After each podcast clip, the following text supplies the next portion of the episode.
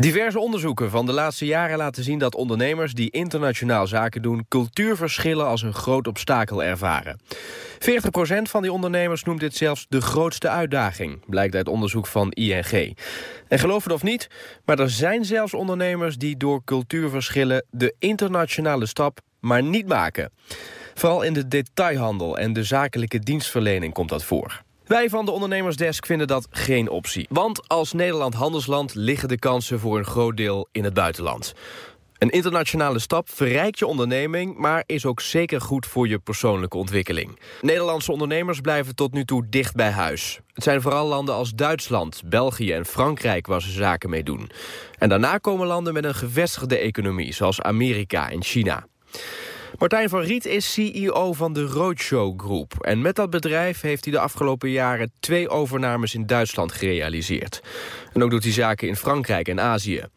Martijn weet door zijn ervaring als geen ander wat de gevaren van cultuurverschillen in het internationale zakelijke verkeer kunnen zijn. Niet alleen Duitsland als land, maar zelfs in Duitsland zien we uh, dat er echt nog wel cultuurverschillen zijn. We hebben een overname in het noordelijk gedeelte van Duitsland gedaan uh, en een overname in de buurt van Frankfurt. En tussen die twee inmiddels vestigingen zien we al dat daar cultuurverschillen zijn. En uh, in het noorden van Duitsland eh, is het toch allemaal wat hiërarchischer nog georganiseerd en wat, wat stijver. Daar, nou, het verbaasde mij enorm dat medewerkers die al 17 jaar bij bij iemand in dienst waren, nog steeds uh, de uh, met heraanspraken iedere morgen.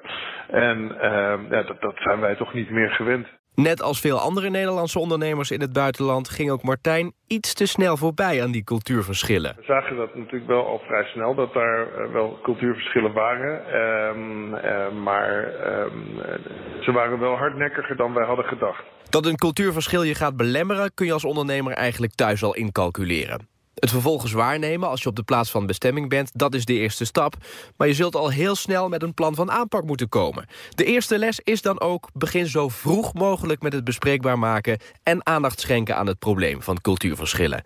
Want anders kunnen de consequenties behoorlijk groot zijn, zegt Martijn van Riet uiteindelijk zou je ook werknemers kunnen verliezen in dat proces. En dat zou uh, toch jammer zijn. Ik, uh, ik denk dat, uh, dat een aantal culturen toch echt de, de werknemer of medewerker voor zichzelf gaat kiezen en met wellicht weggaat. Dat zou kunnen. Om dat te voorkomen ging Martijn bij de bedrijfsovernames in Duitsland in gesprek met werknemers. Het cultuurverschil werd dus bespreekbaar gemaakt.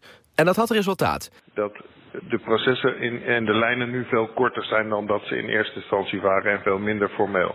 Oké, het klinkt allemaal alsof dit allemaal erg makkelijk ging.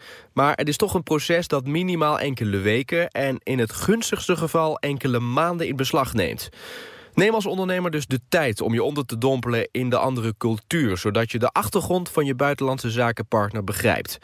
En dat merkt ook Martijn van Riet. Nou, hakken in het zand wil ik niet zeggen, maar het zat wel vrij diep. Het zat, het zat echt diep. Men is gewoon gewend om, uh, of, of niet gewend om elkaar te. Uh, men, het is er, erg stijf in het noorden van Duitsland. Terwijl we merkten dat het in het, uh, in, in het meer in het midden van Duitsland, in, in, in Frankfurt, veel opener al was en veel directer. We hebben het nu gehad over landen dicht bij huis. Maar voor veel ondernemers liggen er ook legio-kansen in opkomende economieën. Latijns-Amerika en Azië komen in veel onderzoeken naar boven... als de plekken waar ondernemers de komende jaren moeten zijn.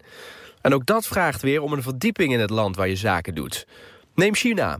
Neem China, een land apart, waar je als ondernemer goed beslagen ten ijs moet komen. Wat, wat we in China bijvoorbeeld heel veel zien, dat men niet duidelijk uh, uh, durft aan te geven wat ze uiteindelijk willen. Uh, dus een Chinees zegt als je iets voorstelt heel snel ja ja, maar hij bedoelt soms wel nee. En dat, dat is met name in die culturen heel lastig uit te vinden. Martijn van Riet was dat. Laat je als ondernemer vooral niet afschrikken door de cultuurverschillen. Maak gebruik van de technologie om de communicatie wat te vergemakkelijken...